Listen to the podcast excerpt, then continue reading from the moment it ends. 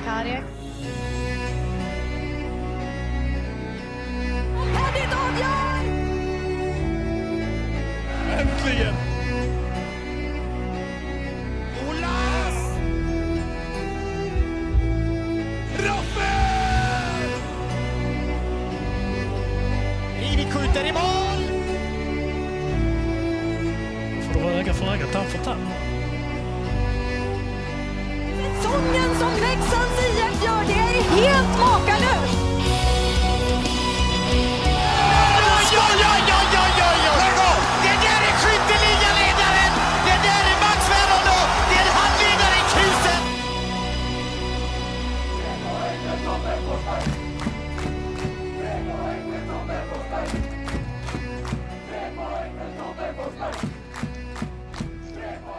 Välkomna allesammans till ett nytt avsnitt av Blåvita krigares podcast. Då Patrik var på hockey i helgen, hade ganska kämpigt där i Tegera mot Färjestad och Växjö, så är rösten inte med honom. och ni vet ju hur jag brukar låta när jag har varit på hockey, men han eh, ringde mig tidigare idag och lät riktigt risig. Och kanske lite bakis. Eh, så då fick jag, och samtidigt som jag jobbar eh, kväll hela veckan, så fick jag försöka lösa en, eh, någonting som kunde komma ut under dagtid. Och därför har jag ringt in min vän Johan Hell som gästar podden den här veckan. Välkommen Johan. Tack så mycket. Du, vill du presentera dig själv kort? Du, har ju, du är ju inte bara supporter, du är ju till och med Leksands författare. Säger man så? ja, precis. Jag vet inte om man säger så. Gamla böcker man skrev. Man säger, jag och Niklas Nivar Sjöqvist släppte en bok 2004 tror jag. Niklas kom med den idén att eh, vi skulle skriva en bok om Leksands säsong 2003-2004 eh, under ett års tid, vilket resulterade i 453 A4-sidor. Och så åkte vi ur den säsongen. Och eh, jag tror Niklas eh, checkade ut lite innan säsongen var över, men det gick ju inte att sluta. Så att vi tryckte väl upp den i några hundra ex och undrade vem ska köpa den här boken? Så vi fick döpa den till Hur kunde det ske? Ett år som läxing. Eh, sen gjorde jag en till året efter och gick upp.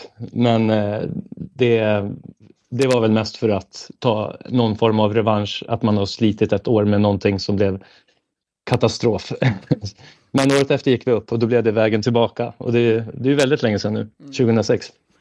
Svårt lag att skriva böcker om med tanke på att eh, det gick upp och ner så mycket. Böckerna blir snabbt eh, inaktuella.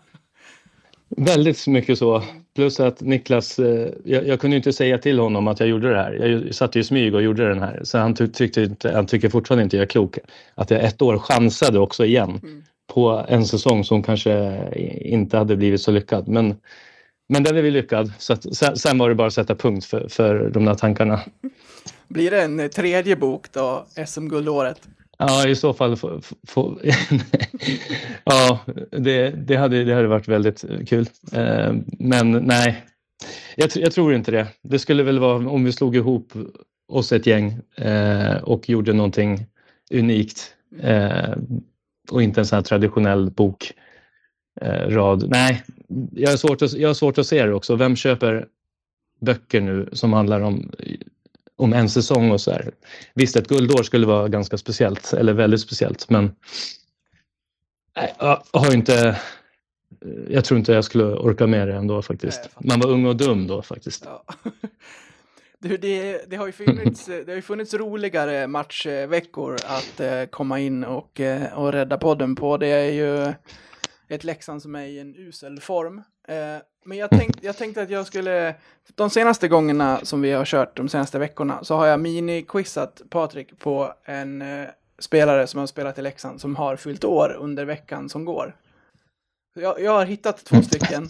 Så tänker jag att, jag eh, att du får välja om du vill försöka hitta fram till en målvakt eller en forward som fyller år i veckan. Vad pratar vi om för tidsspann här?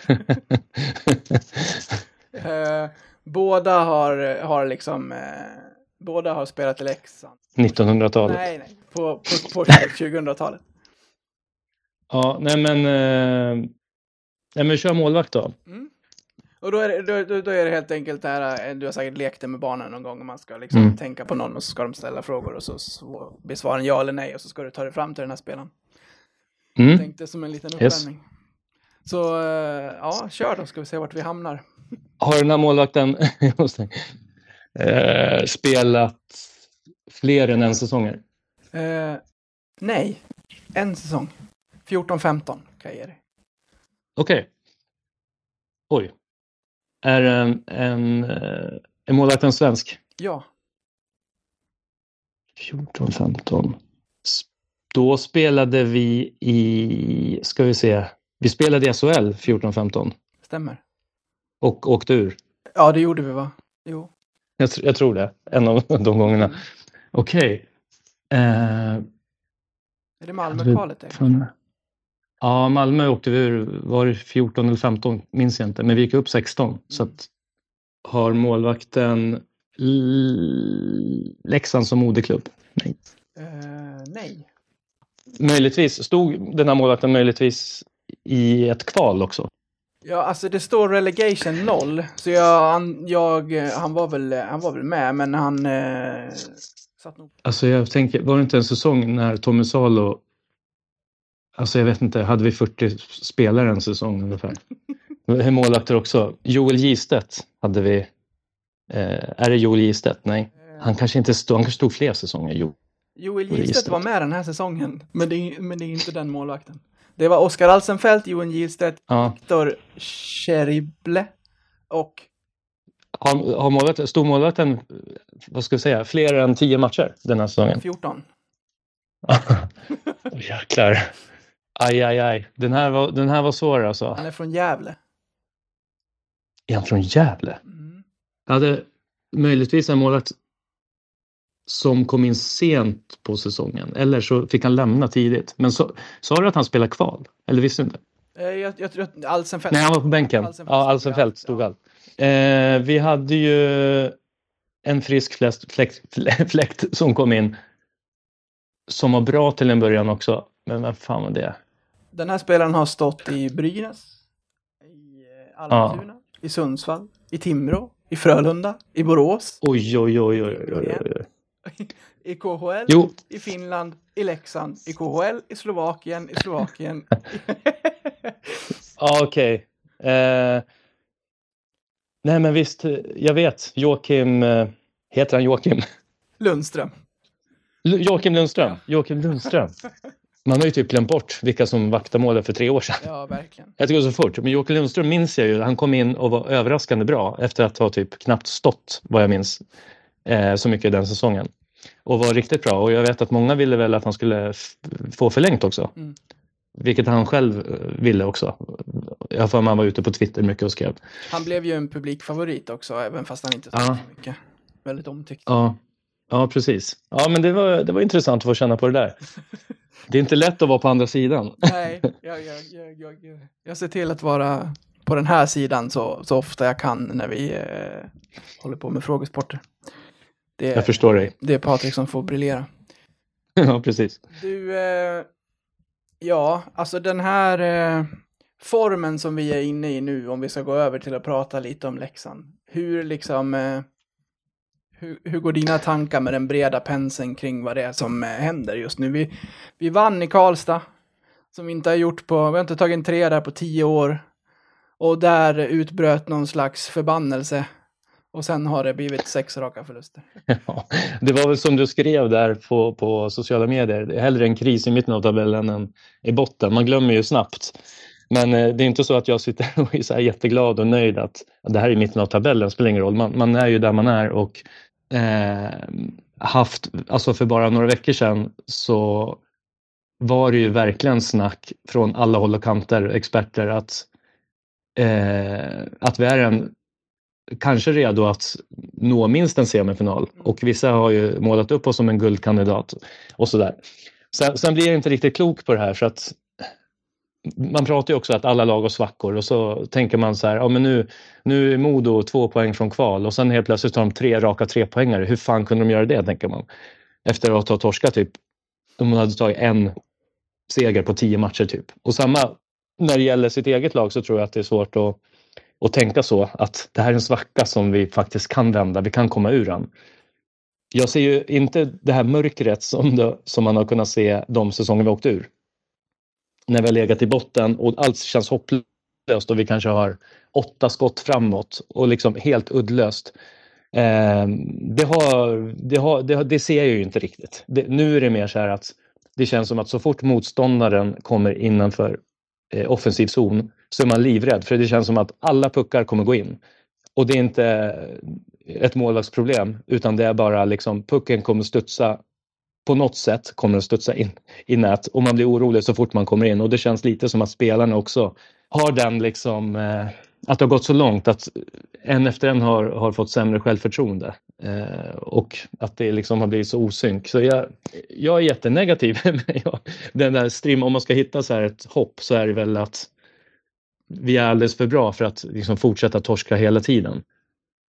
Jag vet inte, men Skellefteå hemma kanske vi gör första eller den mesta perioden på hela säsongen, den första. Mm. Jag vet inte om vi hade typ 14, nu minns jag inte om det var 14-2 i skott eller 18-2 eller vad det var, men det var brutalt och jättebra spel och ändå 0-0 och sen väntar man ju på det här baklängesmålet och sen är det väl en sämre andra del, kanske lite bättre tredje period, men det blir torsk där. Och sen Frölunda borta, vi gör 1-0 tror jag och sen gör Frölunda tre raka mål snabbt.